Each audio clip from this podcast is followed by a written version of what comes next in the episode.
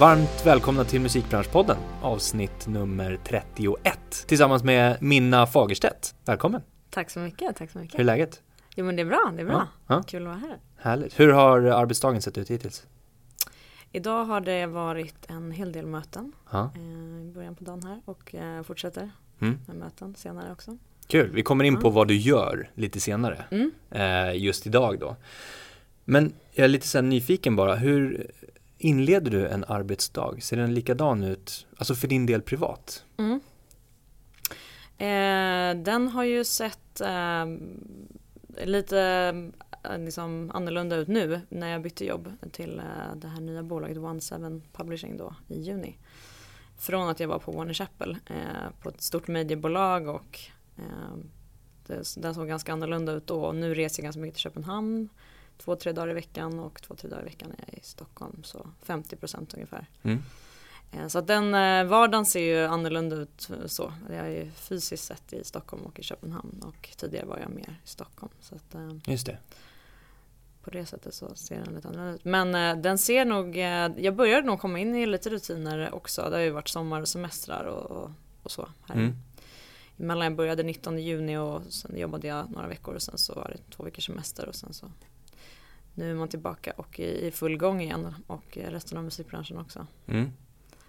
Det är ju lite avslaget på sommaren, ju Ja det är säga. absolut. Det är så även i Danmark faktiskt. Mm. Det är ganska så. Det är mycket liksom turnéer och spelningar och sådär men det är inte så. Det är inte så mycket på eh, liksom, män, människor som jobbar utan alla är på semester så det är ganska lugnt på min front brukar det vara. Det är svårt att få tag i människor. Ja men precis. Det är ju, de, de, musikbranschen lider väl i och för sig lite av att man alltid är online och alltid är på mejlen i och för sig. Men, men det är också svårare. Jag försöker nog, har alltid försökt få låtskrivarna att ha semester ungefär samtidigt som jag själv så man kan liksom få faktiskt ha den här vilan under sommaren. Just det. Men tillbaka till eh, morgonrutinen. Har du någon morgonrutin? Morgonrutinen är nog att jag eh, vaknar och sen så brukar jag snusa lite grann. Och sen så brukar jag börja kolla mejlen faktiskt i sängen. Det kanske man inte ska det. göra. Det är inte alls så bra för sömn och sådär. Men Det är jätteintressant. En del gör ju inte alls det förrän de kommer till kontoret och en del gör det det första som händer. nej, och det ser lite olika ut beroende på vilken eh, Också så här, hur processen ser ut fram till man kommer till jobbet tycker jag, vilken årstid det är. Jag cyklar oftast på våren och sommaren och då blir det ju inte att man kollar mejlen på vägen till jobbet. Men Nej. annars om man åker tunnelbana så, så brukar jag eh, göra det. Jag är oftast nyfiken på vad som har kommit in under, under natten. Så det är ingen sån här stress tycker jag, moment. Utan det är mer att man är nyfiken på vad som har kommit in. Det är oftast från USA då kanske eller Mm. någon annan. eh, Kanske något spännande som man har mejlat om dagen innan och så är man lite nyfiken på att se vad som, vad som har kommit in. Mm. Så att, eh, det börjar min dag med och sen eh, brukar jag gå upp och göra mig en smoothie och en kaffe. Mhm. Ja. Härligt. Vad har du i smoothien?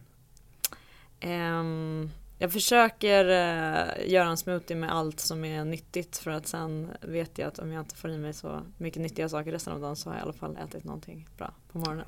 Bra start på dagen. Så ja, Ja. allt, allt grönt typ man kan tänka sig brukar jag försöka få in. Mm. Jag känner igen mig i det där med eh, mailen. Alltså jag är otroligt nyfiken ibland också, men, men det går lite i perioder. Ibland har jag varit ganska hård mot mig själv och satt att, nej men öppna inte mailen förrän du i alla fall har ätit frukost. Mm, Så att man får en egen tid på något sätt. mm, Men ibland under vissa perioder, då känns det Mm. som att då måste jag göra det. Det är det första jag behöver göra. mm, Och bara öppna den och se att, oj, det har kommit så här många mm. Vad kan det vara? Och så kollar man det. Och jag tycker känslan om man blir stressad av det då eller om man tycker att det är kul. det- Och det vet man väl först man har öppnat mejlen. För det kan Exakt. ju vara dåliga nyheter eller bra nyheter. Det är ju oftast, det pratade jag med en gammal kollega om på, på Warner mycket. Att en, en dag på jobbet är verkligen som en känslomässig berg dalbana. Alltså, för man har så många olika låtskrivare som det går man får bra och dåliga nyheter liksom flera gånger om dagen för olika personer. Så att man kan vara glad för någon och sen ser man jätteledsen för någon annans skull liksom. Och det är verkligen så det vet man inte innan man öppnar, Nej. innan man öppnar mailboxen. Och jag försöker nog ha någon idé om det där också. Att jag, jag sätter upp liksom lite regler för mig själv att jag inte ska kolla mailen efter klockan 10 och så vidare. Men ehm, nej, det, det går inte så bra för mig. Nej. jag tänker på det här som du sa, känslomässig berg och dalbana under dagen. Mm. Har, har du något sätt, och, har du hittat något sätt att hantera det? Eller tackla det på något sätt för din egen del? Nej. Eller arbeta inte. mer utan du bara följer med i Ja, det blir ju så. Alltså, man försöker ju göra så mycket bra saker som möjligt och försöka få till så mycket bra möjligheter för låtskrivarna som möjligt. Och det är ju så. Det är ju livet. Liksom. Man får dåliga och, och bra be- besked liksom, från olika håll. Mm. Man får en låt placerad på kanske en artist och sen så nästa dag så, så eller samma dag så får man ett negativt besked om, om eh, en låt till en annan artist eller Mm. eh, som inte kom med eller liksom som var sista låten falla ur från albumet eller så. Så det Nej det, det är svårt att hantera det för man eh, Jag i alla fall har någon tendens att bli Man blir ganska nära låtskrivarna rent liksom, Personlighetsmässigt, man blir nästan som vänner Mm. Det känns inte som att man jobbar eh, liksom när man ligger och smsar med någon på kvällen till exempel utan det känns mer som att det är en vän som man försöker hjälpa och på gott och ont säkert. Ehm, men då, då blir det ju också att man engageras väldigt känslomässigt i deras karriärer och då blir man ju väldigt eh, då blir det oundvikligt att bli liksom glad eller ledsen för, för deras skull Mm. sätt. Och det är en stor del av ens liv liksom, att man försöker hjälpa dem Ja. framåt. Du kom ju, om man tittar på studier, så kommer du från Linnéuniversitetet. Mm. Och du gick den eh, Music and Event Management Precis. för några år sedan. Jag gick ut 2011 så det måste väl bli, bli till 2009 till 2011. Mm. Ja. Hur var det? Mm. Det var jätte, jättespännande. Jag har ju om man backar bandet lite längre tillbaka har jag väl alltid vetat att jag eh, vill hålla på med musik. Eller jag har hållit på med musik ganska mycket själv. Och Mm. sjunger och spelar gitarr och, och sådär. Gick musikgymnasium och alltid på något sätt har alltid musiken alltid varit där. Och så var jag väl inne i den här fasen att vara, jag hade gått på folkhögskola precis ett år och kände att stod lite i ett vägskäl att ska jag själv liksom eh, hålla på med musik och bli artist och göra den, gå den vägen eller ska jag stå liksom bakom branschen mer som jag, hade faktiskt kommit in lite på, på folkhögskolan och arrangerat mycket festivaler och spelningar och varit med och varit projektledare mer. Mm. Så då kom jag ganska naturligt in på det och sen sitter den här utbildningen och sen så var min familj så här, ska du inte, ska du inte ha universitetsutbildningen då? Det kanske är bra. Mm. Och då gjorde jag väl dem glada också i det. Så det passade ihop både för din vision och för lite grann att det var en, en gedigen eh, universitetsutbildning. Ja men precis, jag stod lite i valet där efter eh, folkhögskolan att ska jag gå Kulturamas vuxenutbildning på sång och Mm. utvecklas och den var ganska dyr och vad kommer det ge för någonting i förhållande till att gå den här utbildningen i Hultsfred och mer jobba bakom ja, bak, bakom scenen liksom och utveckla Mm. eh, artister och låtskrivare. Mm. Lämnade du ditt egna låtskrivande då när du började studera? Jag har aldrig skrivit låtar själv men jag har alltid hållit på, alltså, hållit på och sjungit och Ah, spelat. okej. Så jag, men jag har aldrig skrivit musik på det sättet har jag inte, Nej. inte gjort. Lämnade du det då eller Nej, fortsatte alltså du med jag har ju fortfarande det på någon slags hobbynivå. Jag sjunger på bröllop och dop och sådär ibland. Och tycker att det är väldigt roligt Mm. och mår bra av att sitta lite vid pianot ibland. Och också för att följa med i låtskrivarna, eller liksom för att hänga med i allt snack också. Eh, Med låtskrivarna så är det ganska skönt att ha dels lite koll, jag pluggade ganska mycket Logic när jag gick på gymnasiet och ha, försöker hänga med lite där i alla termer och hur man hur det ser ut liksom. Och eh, också ganska skönt att kunna, jag vet hur ett ackord är uppbyggt liksom och man har de här grundkunskaperna i hur eh, ja, men musiken är uppbyggd. Så det är ganska jag försöker väl underhålla det också för mitt jobbs skull. Mm. Du får bättre kommunikation och förståelse kanske för låtskrivarna. Ja men precis, om man kan prata, man pratar samma språk och Mm. man känner att man får någon slags respekt och, och liksom någon, ja, man får förståelse också. Vad tar du med dig från tiden när du studerade? Jag eh, tyckte, jag tyckte det var en väldigt bra utbildning. Ehm, och det var det som, som är i den här branschen är att det bygger väldigt mycket på kontakter och Mm. relationer och att bygga och hålla i dem. Ehm, och att man fick, eh, det kom ner personer från branschen som var aktiva, liksom på, jobbade på skivbolag eller musikförlag. Eller, så det var ju väldigt, en stor, stor och viktig del för mig kände jag och att man, man fick chans att vara med och vara med och göra sådana här liksom skarpa case. Liksom. Till TEN jobbade vi en del med då. Um, med Erik Hassle som mm. släppte Hurtful precis då. Mm. Den perioden och um, var med i ett street team då som gjorde lite marknadsföring och, och så. Mm. Så det var spännande och det, det, var väl det som någonstans betydde mycket att man hade, hade liksom direktkontakt med branschen. Mm. Som sen gjorde att man fick en praktik eller fick ett sommarjobb eller fick testa, testa ett jobb i musikbranschen innan man gick ut. Just det. Hur tog du tillvara på de här kontakterna alltså under studierna? Var, var det så att ja, men branschmänniskorna kom ner då till, till Hultsfred och mm.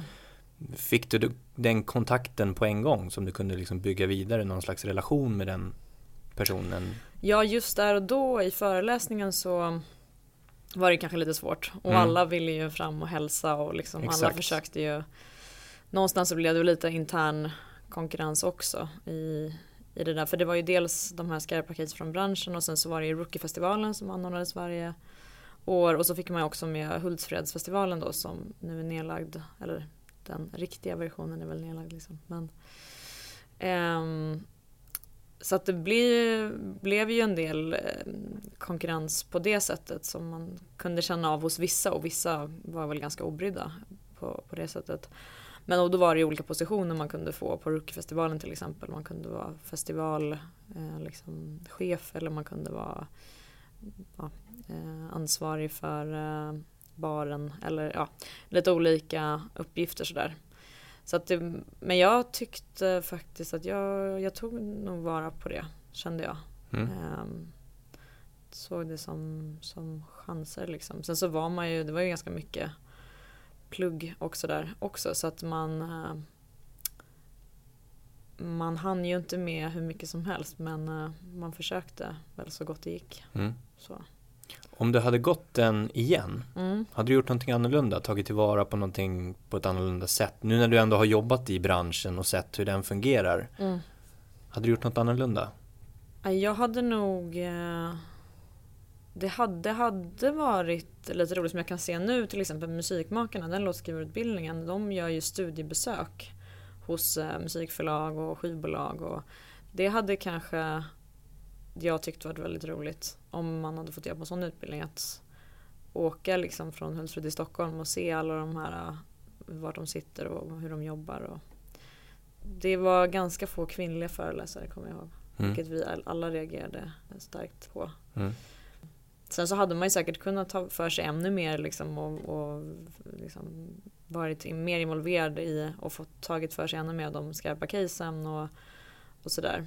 Men jag känner ingen, ingen sån här jätte ingen eh, besvikelse över att jag inte tog, tog tag i någonting riktigt sådär. Nej. Hade du innan du började studera några tydliga mål med vart du ville jobba eller vart du ville ta dig?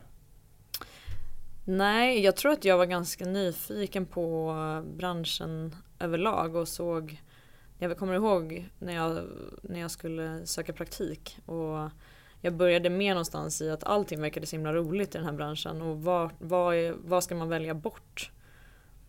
Så jag började nog mer någonstans där i att försöka sålla bort då, där de ställena jag inte ville vara på på något sätt. Mm.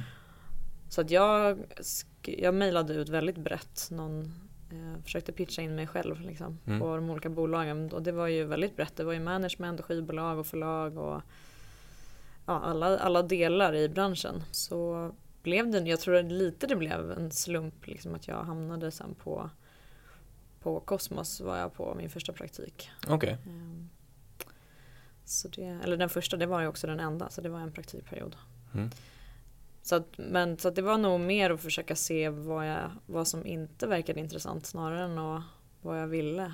Mm. Eh, för allting verkade just där och då väldigt kul och man visste ganska lite också om, om de olika delarna. Mm. Och, men att allting verkade roligt. Mm. Var det stor konkurrens mellan praktikplatserna från eh, klassen då? Det kändes ganska mycket som att man fick ju såklart stöttning i lite grann om man behövde i, i eh, vart man kunde göra praktik. Men det var ganska mycket upp till en själv också att söka sig vilket var, kan kanske vara svårt för, för vissa. Jag tyckte också att det var väldigt, det kändes ju som en omöjlig uppgift. Hur ska jag kunna få en praktikplats i den här branschen? Mm. Hur, hur ska det gå till? Men eh, det, det löste ju sig till slut. Mm. Men, eh, Och då började du på Cosmos Precis. och gjorde praktiken där. Mm. Mm. Hur var det? Ja, det var spännande och då, det kan jag lägga till det också innan för jag var året, mitt andra år på sommaren där så sökte, då var jag på, eh, hade jag sommarjobb på EMI Publishing. Mm. Som var själv, eh, liksom då skrev jag ett mail till Andreas där som var försäljningschef och eh, ehm, sa att, det, och då tänkte jag att det kanske är kul att prova på om det här är någonting för mig. Liksom, och andra året på utbildningen men praktiken var sista terminen. Och då har man gått i tre år och vet inte riktigt om det här är en bransch som man Mm. faktiskt vill vara i eller, liksom, eller så. Så då kände jag att andra året på sommaren där så fick jag sommar, och då var jag ju på EMI Publishing då och sen så skrev jag min C-uppsats också tillsammans med en tjej i klassen. Och sen så efter det, och precis och då kände jag att med praktiken att det vore kul att testa skivbolagssidan Mm. och se någonting annat. Mm. Så då precis kom jag till Cosmos. Så då har du gjort förlagsbiten och skivbolagsbiten innan du ens var utexaminerad. Mm. Mm. Och hur var det då? Kände du att du liksom fick en bra bild kring de olika och att det var lättare att välja så att säga? Ja, jag hade ju väldigt kul på, på EMI Publishing. Det var väldigt kul och jag fick vara med i ganska många olika delar just i och med att jag kom in som praktikant. Så får man ju, eller sommarjobb var det då. Eh, men då fick man ju vara med och det var många som var på semester så jag fick ju rycka in lite här och var. Liksom, både på synksidan och lägga upp lite videos eh, för såna här reklamfilmer, musik i och uppdatera den och eh, fick bli lite ansvarig för ett system där med ett kontaktsystem. Och, ja, det, var, det var lite av varje men det var också väldigt, eh, väldigt spännande att, att få inblick i hur de, hur de jobbade. Mm. Och praktiken var ju på, på Cosmos blev lite den blev ganska så inriktad på, i och med att jag hade varit på förlagssidan på på EMI sommaren innan så de hade också en förlagsverksamhet och då blev det ganska naturligt att jag fick lite ansvar för det, för den förlagsverksamheten Mm. eh, där. Och fick också, det var då första gången jag nog fick upp ögonen för eh, A&R-delen och kände att jag hade hittat en låtskrivare då som han tyckte var jättebra och jag var jätteglad över att han tyckte att det var bra och jag hade hittat någonting som som, var, som föll i god jord Mm. där. Så det var väl första gången jag kände att det här med A&R och hitta låtskrivare och, och sätta ihop eh, sessions, det verkar spännande. Mm. Och då blev det nästan det. Ja, precis. Vi, vi gjorde faktiskt en låt ihop. Vi gjorde en remix på en låt på Cosmos som jag fick vara lite ansvarig för. Kent stöttade mig där och tyckte att det var, det var roligt att jag liksom tog för mig. Sen hamnade ju Cosmos lite av, i en eh, situation där de var tvungna att uh, göra sig av med ganska många människor just i den perioden jag var där. Så att Mhm. jag vågade väl knappt fråga om jag, jag insåg att men här kommer jag inte kunna fortsätta jobba. Nej. Eh, Eller det kommer inte finnas en öppning för mig här. Det blev det ju inte heller. Nej. Hur kändes det? Hur tacklade du det? Liksom att shit, nu har jag gjort praktik och man kanske hade någon slags förväntning att det skulle leda till Absolut, något jobb. ja precis. Eh, blev det som att börja om på nytt? Jo men jag kände väl mig ganska panikslagen över det. Just i och Mm. med att det här var sista terminen på de här tre åren. Och hur ska man lyckas få ett jobb ehm, i den här branschen där det bara handlar om relationer på något sätt. Och hur, hade, då hade jag ju haft en del kontakt med Adis och Henke på, på TEN och gjort det här Street Team. Eh, varit med i det eh, med Erik Hassle då första året var det. Så de kände jag lite grann. Och så kände jag ju Cosmos lite grann och de på EMI Publishing. Men de hade inte möjlighet att ha mig eh, kvar någon längre, längre tid än, än efter C-uppsatsen där. Så, att, så det kändes lite klurigt. Men då började jag ju också att skicka ut eh, såna här ansökningar typ. Fast liksom hej, ni borde anställa mig. Mm. Pitcha in mig själv på olika, så då var jag både på, jag var på intervju på um, eh, för Emil faktiskt på, På Blixten? på Blixten precis. Ja. Och sökte mig på, till management och eh, också till, som där jag hamnade sen, Music Super Circus Mm. som är Music Supervisor. Där jag sen jobbade bara en projektanställning i några månader. Mm. Um, Och vad ledde, ledde det sen in till? Ja sen så skickade, då skickade jag in en, en liknande liksom pitchansökan som man får göra känns som. För det läggs ju aldrig ut några tjänster i musikbranschen om att det söks folk utan det, allting handlar ju om relationer på något Mm. sätt. Och då skickade jag in ett, en, ehm, ett eh, brev till, ja ett mail och ett personligt brev till Warner Chappell. Och då fick jag det här klassiska att ja men vi behöver ingen nu men vi sparar ditt CV för framtiden. Mm. Och sen hörde ju de av sig något år efter att jag hade skickat det. Sa att men nu har vi en tjänst, en öppning här och eh, vi har fått lite rekommendationer från olika håll och sådär. Att det, du verkar bra. Mm. Och sen så fick jag komma på intervju. All right. och så fick du jobbet? Ja, Mm. Var det som A&R då? ja det, då var det Direkt. faktiskt en, eh, då 2012 när jag blev anställd, då var det en delad eh, tjänst. Så var, för de hade precis också då gått igenom en liten omorganisering och gjort sig av med lite folk. Så då var det ett, det var en- mix av synk och A&R då Mm. som var 50% vardera då. Mm. Och vad, vad innebar den tjänsten om du så här, bryter ner den till mer eh, detaljer? A&R till exempel. Mm.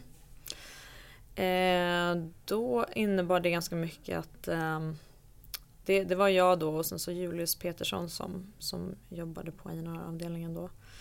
Och då innebar det mycket att hitta, liksom, hitta nya låtskrivare och också utveckla de som, som redan fanns eh, signade till, till Warner Chappell. Och försöka se vilka möjligheter man kunde hitta där. Nu, då hade ju inte jag det det största kontaktnätet när det kom till andra låtskrivare. Och, så det var ju väldigt mycket läroprocess i början. Lära mig mycket av Julius såklart och, Lars Karlsson och, och Per som var ekonomichef och sådär. Så jag gjorde jag ju mina första eh, signingar och sen så, så rullade det på. Ja. Mm. Och just den biten då, vad är viktigt att tänka på om man jobbar som A&R Mm. eh, oavsett om det är ett skivbolag eller ett förlag. Mm. Vad är viktigt att tänka på i den rollen? Ja, det är en svår fråga. Ehm, och man gör ju säkert massa fel hela tiden. Men, ehm, ja, men som jag alltid har jobbat och velat jobba var ju någonstans, och som vi jobbade då, är att vi signade ganska få låtskrivare och artister och eh, försökte verkligen ta hand om dem och ge dem tid och försöka ja, verkligen försöka breaka det som vi signade och det var väl det som det var väl både på gott och ont. Man måste ju också signa en, en del saker för att allting lyckas ju inte. Så det är Nej. en balansgång hela tiden. Men jag tror vi, både jag och Julius tyckte väl att det var det ro, på det sättet var det roligast att jobba. Att inte ta in hur många låtskrivare som helst som man inte hade tid med och sen så får man se vad som hoppas på att hoppas på det bästa på något sätt. Så det skulle jag säga, men det är en kombination av det som är viktigt kanske för just det företaget och vilken Mm. profil man har eh, som Warner hade då och eh, hur man tycker det är roligast att jobba eh, själv. Alla är ju väldigt olika där Mm. hur, man, hur man vill jobba. Men då Så det var en del av jobbet. Ja, Då. Mm. och då innebar det ju att du signade som sagt, du hittade låtskrivare och signade. Mm. Eh, hur hittade du dem? Alltså hur gick arbetet till? Var du ute och scoutade eller var det mycket kontakter eller? Det känns ju mycket, om man ser tillbaka på saker som man har hittat och, och sådär så känns det väldigt mycket som att det hela tiden är en slump att man råkade springa på någonting. Mm. Och det handlar ju, det kan ju vara att man hittar någonting på nätet eller man ser någonting ute, ser något gig eller man hör, eh, man får en rekommendation från någon annan manager man jobbar med med någon annan akt till exempel eller någon annan i branschen som rekommenderar någonting. Ja, eller att man får ett mail eller en demo skickad till sig. Det finns ju, det känns som det finns typ lika många vägar som låtskrivare nästan Mm. i, i hur man hittar nya talanger att jobba med Mm. faktiskt. Och som du sa att det kändes som en slump men om man tittar på det så, så har du ju ändå liksom alla tentakler ute och, Mm. och du ser, du vill ju fånga upp dem. Mm. så att du ser liksom möjligheterna för att, ja, men, går jag på det här giget så skulle det kunna eh, liksom finnas låtskrivare Ja, ja, där som jag precis. träffar eller Ja. Eh, och så vidare. Och ibland var ju mina låtskrivare de som redan var signade på en Chapel eller de som jag precis hade börjat jobba med då. Också de bästa A&Amppr-arna. Det var ju kompisar till dem som också hade- kanske hade gått på Rytmus eller på någon annan musikskola eller eh, någon som satt i samma studio som den personen eller som man hittade personer på via, Mm. via dem också. Ja. Så de var ju extremt bra A&Amppr för, för en själv Mm. också. Och om du skulle tipsa någon låtskrivare där ute, Mm. bästa sättet att kontakta en A&R Mm. som, alltså utifrån din erfarenhet då, om man skulle Ja. kontakta dig Mm. och pitcha in sig själv, hur skulle man gjort då? Då skulle jag nog vilja ha ett mail tror jag. Med Mm. tre, fyra mp3 i kanske. Tre är väl max ungefär. ungefär. Ja, Men det skulle jag vilja ha. Och sen så en liten Kanske bara en liten kort text om att liksom en presentation. Är man producent eller topliner eller är man artist eller vad har man för Vad har man för visioner? Liksom, Mm. Hur vill man arbeta? Men ändå ganska kort och sen så får man lyssna och se vad man om det lyckas övertyga på något sätt. Och sen så tar jag gärna ett möte då och ser eh, om man kan komma vidare. Mm. Skulle det höja ens förväntningar, eller ens chanser rättare sagt, att eh, ha ett, ett jättesnyggt utformat presskit kopplat till sig själv som låtskrivare? Nej, Inte? snarare tvärtom. Ja. Ja. Du skulle... här ED, sån här eh, electronic, Mm, vad heter det? Electronic EPK. EP, precis. Ja. Nej, det, det känns inte alls som att det ökar några chanser alls faktiskt. Utan alltså, allting kommer ju ner till musiken. Mm. Mm, Sen så spelar det ingen roll om man om, om jag får ett mail där det inte står någonting och tre extremt bra låtar så kommer jag söka upp den här personen. Liksom. Mm. Och, så det, är ju, det handlar ju egentligen främst om musiken och på vilket sätt man vill jobba. Sen så handlar det om massa andra parametrar också. Om det är det en artist? Vad finns det för team runt omkring? Vad har den här personen för inställning? Är det en, är det en person som man gillar att vara med, umgås med och spendera tid med? Mm. Eller är det en person som man har en jättejobbig attityd som man kanske kommer ta massa energi och så vidare. Så sen är det ju en massa andra parametrar men men, eh, men först skulle jag säga att det handlar om, det handlar om musiken. Mm. Och framförallt när man också är på förlagssidan så det visuella absolut till viss del men det handlar ju, kärnan är ju musiken och låtskrivandet. Eh, I grund och botten så att det blir väldigt sekundärt i det första mejlet skulle jag säga. Mm. Kvalitet på själva låtarna då? Om man tittar på det. Om du skulle ha en demo kontra en eh, jättebra producerad och mastrad singel. Ja, där tycker jag nästan att det är låtskri- låtskrivarna kan ju slå lite knut på sig själva ibland Mm. för att man är lite rädd för att skicka för tidiga demos. Sen så vet jag också av erfarenhet att det är det kan ju också vara så när man har halva idén i huvudet och halva i datorn så kan det vara svårt att presentera en idé utifrån att man vet hur någonstans hur det ska låta och det låter inte så nu men men eh, det hände ju, då det var väldigt olika. Vissa låtskrivare som jobbade med på One Chapel var, var helt bekväma med att skicka liksom eh, eh, vocal memos, liksom, sådana Mm. från röstmemos. Och, ehm, och vissa var jätteängsliga och ville, ville helst skicka färdiga mastrade precis, versioner. Och någonstans så blir det ju svårt i, i den om man ska ge någon slags feedback så är det ju ganska svårt att komma in och ge feedback när det är en färdig masterversion. Då har man ju verkligen, eh, då försöker man verkligen formulera sig väldigt balanserat och, och då finns det kanske inte så mycket chans till att göra någon ändring för då är ju hela låten färdig. Mm.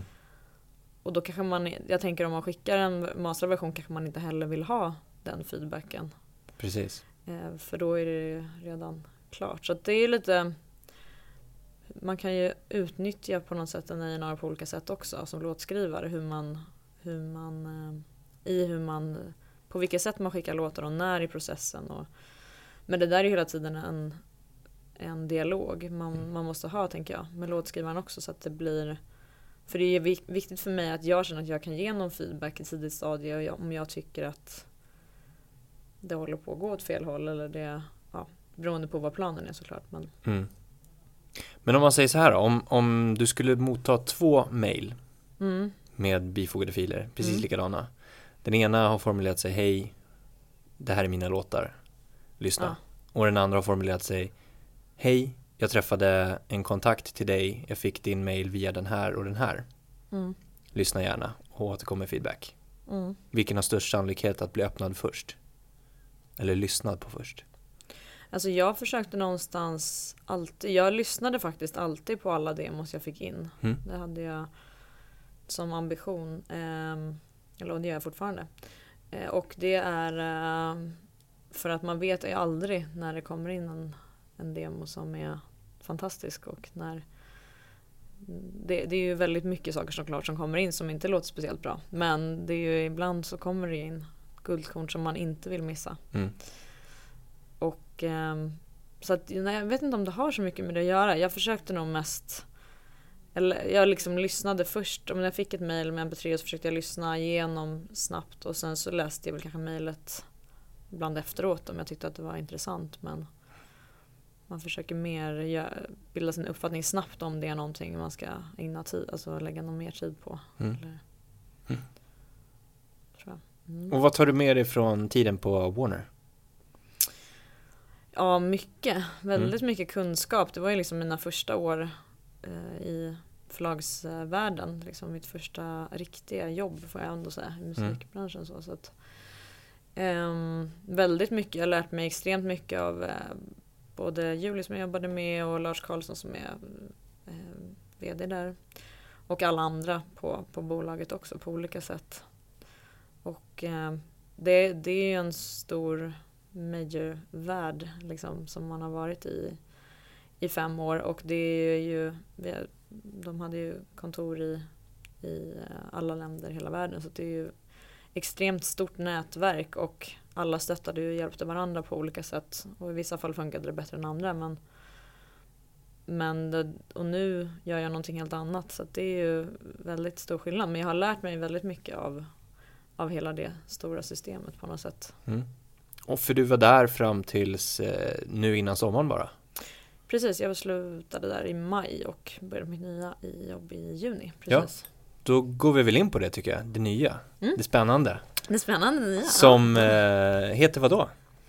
Det, är, det heter One Seven Publishing, mm. det nya förlaget. Det är en um, nystartad gren under DiscoX som är ett skivbolag ett av Danmarks största indiebolag i, i Danmark. Så de bestämde sig då för att starta. Och det här har varit en process ganska länge. Vi höll på att prata om det här var det, i december någon gång förra året började vi prata om det. Och sen mm. så har det varit en process.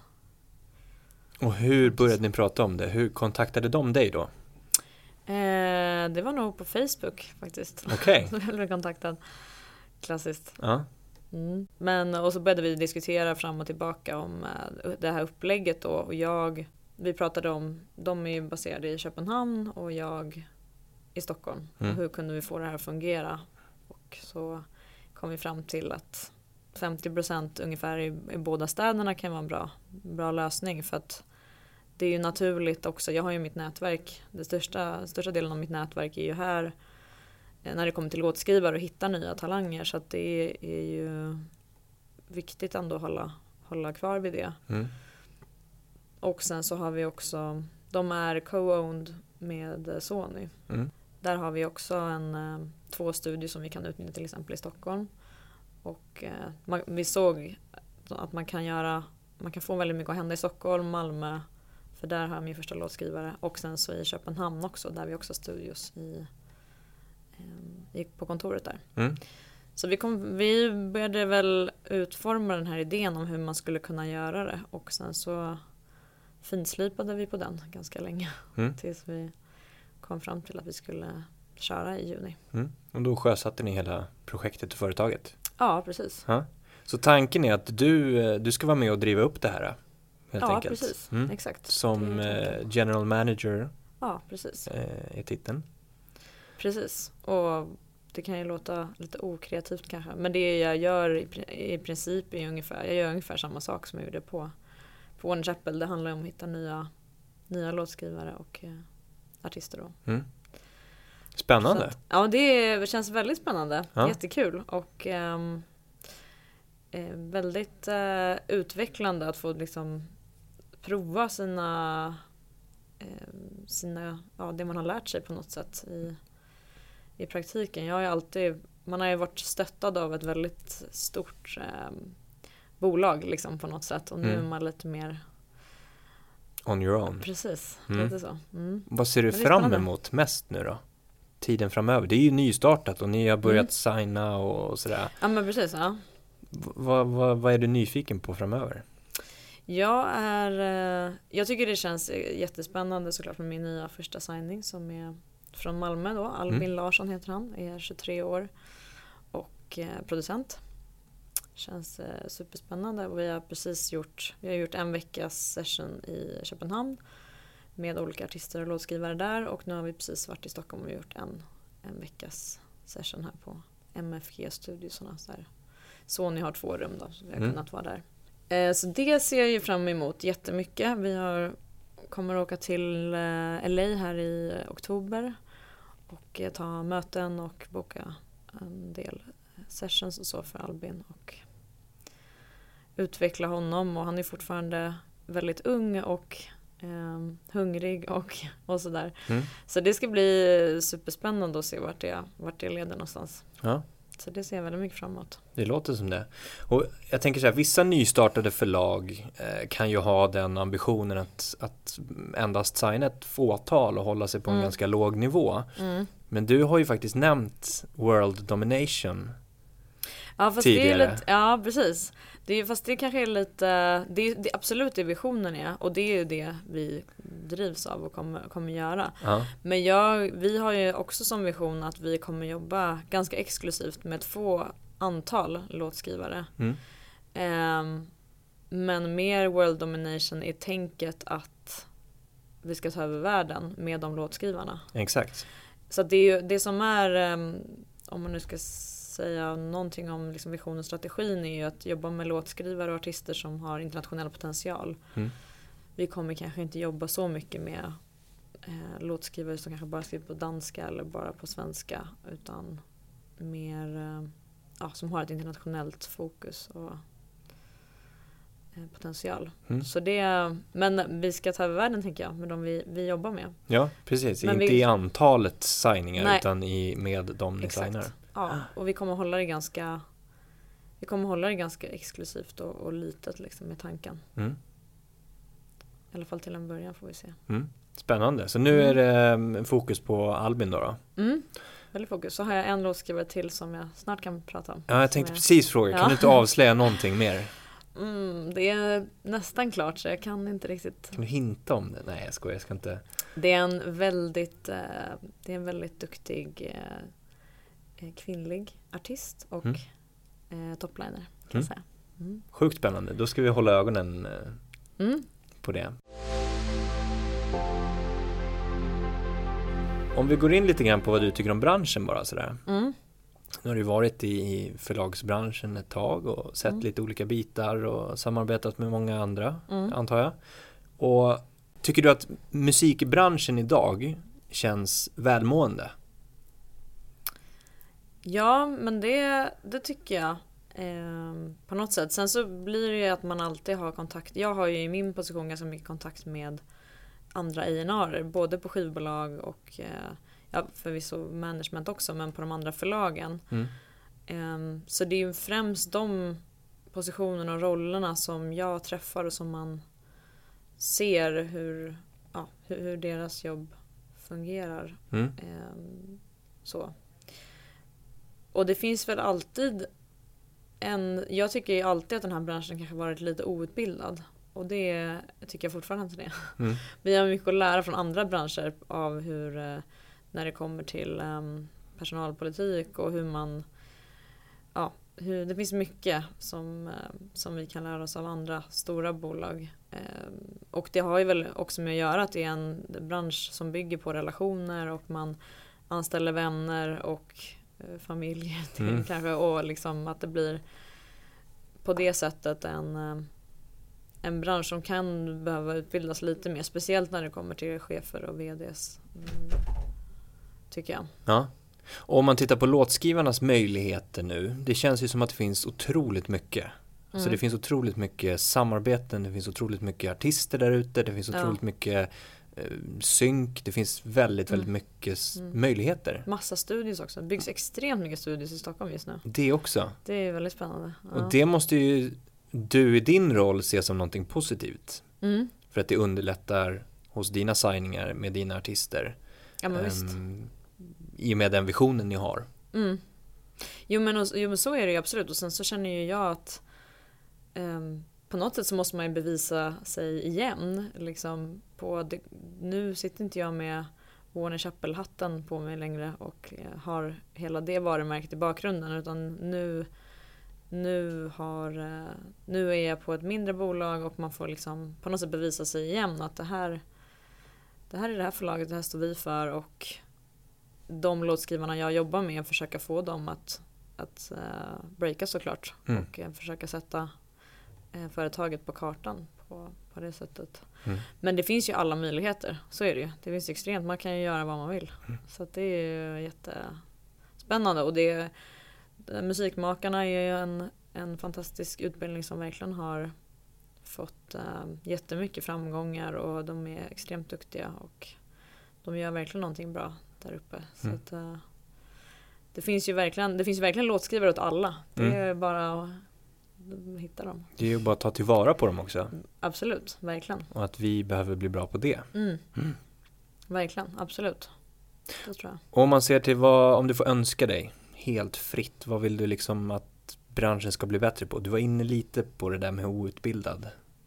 Ja men den kan jag se absolut att man hade kunnat och jag vet inte om det är att mm, alla vds och chefer ska liksom sätta sig med andra vds från andra kanske branscher och liksom jag vet inte hur det ska gå till men, men ehm, det, det är en sak som jag har tänkt på under, under min tid i branschen. Mm.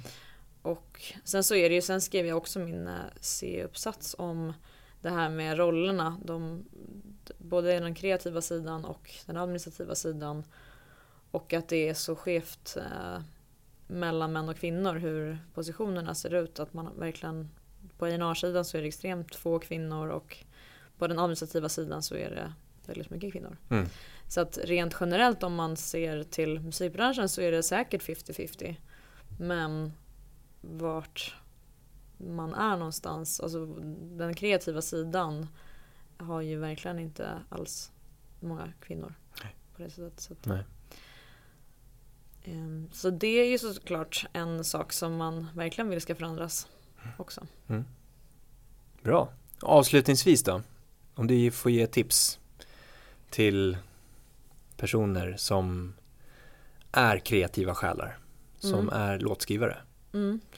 Vad- Vad skulle du ge för tips som de vill eh, bli signade eller eh, bli framgångsrika låtskrivare? Mm. Vad ska man göra? Ja, men jag tycker, tror det är viktigt att, alltså, för det finns ju, branschen är ju ganska, den är ju väldigt mycket baserad i Stockholm. Och det märker jag nu när jag har en låtskrivare i Malmö till exempel och hans alla vänner och eh, eh klasskompisar som han har pluggat med tidigare. Att de, de har lite svårt att veta vart de ska vända sig och så ser det ju såklart ut i typ hela resten av Sverige också. Vart, vart ska man vända sig någonstans? Och eh, det är ju viktigt att man plockar upp de här talangerna Mm. som sitter runt om i Sverige och inte vet vart de ska vända sig. Så att mejla eller Mm. ring. Eller, det är faktiskt så. Mm. Och Det- jag förstår att det kan vara svårt när man inte vet vad, vad, man, vad man ska vända sig och det känns kanske inte helt naturligt men eh, det finns ju inget annat sätt på något sätt än att höra av sig. Nej. Och, Men det betyder, behöver inte betyda att man behöver befinna sig i Stockholm, men att man riktar sig till Stockholm. Ja men precis, alltså branschen är ju nästan, det var, tidigare så fanns det ju en musikbransch i Göteborg. Det finns eh, inte så mycket kvar av den och i Malmö finns det ett förlag som jag känner till och och det här managementet då som Al Albin har och absolut det finns några managers till men, men det är eh, väldigt begränsat. Mm. Eh, och alla de stora bolagen sitter ju här. Sen måste man ju inte signa med ett stort bolag. Det är Nej. också en, man eh, kan ju komma jättelångt och, med bara ett litet management i, i Malmö till Mm. exempel bara. Och, så det beror ju helt på vad man, vad man vill och vad man har för visioner. Bara för att bara för att någon säger att man borde signa till Universal eller till Sony eller så är det inte säkert att det är det man som är ens största dröm och det, det kan man ju inte heller vi kan, man kan ju bara vara en förlängd arm och förstärka den personens dröm på något sätt som man jobbar med. Man kan ju aldrig övertala någon till något. Nej. Utan det handlar ju om att vilja samma sak och förstå den man jobbar med. Mm. Eh, framförallt. Så det beror ju lite på vad man har för vision också, vart man vill någonstans. Precis, så att egentligen förstärka visionen och eh, specificera ner drömmen. Ja, Så att precis. man har det också. Ja, verkligen så tydligt som möjligt så man vet, okej kan det här vara något för mig eller inte? Är det något vi ska lägga tid på att göra ihop eller? Mm. Men, men att folk hör av sig och det är Spin-Up till exempel är väl väldigt lätt sätt att lägga upp sin musik på till exempel och det finns ju fler sådana tjänster som där man eh, lättare kan bli liksom upplockad. Mm. Så att fler sådana tjänster tycker jag borde Mm. komma ut också så man det blir lättare för låtskrivarartister där ute. Mm. Bra tips, Mm. jättebra. Ska vi säga så? Ja men det, ja det gör vi. Det tycker jag. Jag Ja. tycker att vi eh, säger stort tack till dig att du kom förbi och pratade lite. Tack så mycket själv. Vart bär du av nu? Eh, nu ska jag Nästa träffa möte. en uh, låtskrivare. En Ja. hem, hemlig låtskrivare. Oh, är det samma som du nämnde mitt i Nej. det? Nej, Nej. okej, det är en ny potentiell, den tredje. Ja. All right. Spännande, lycka till. Mm, tack så mycket.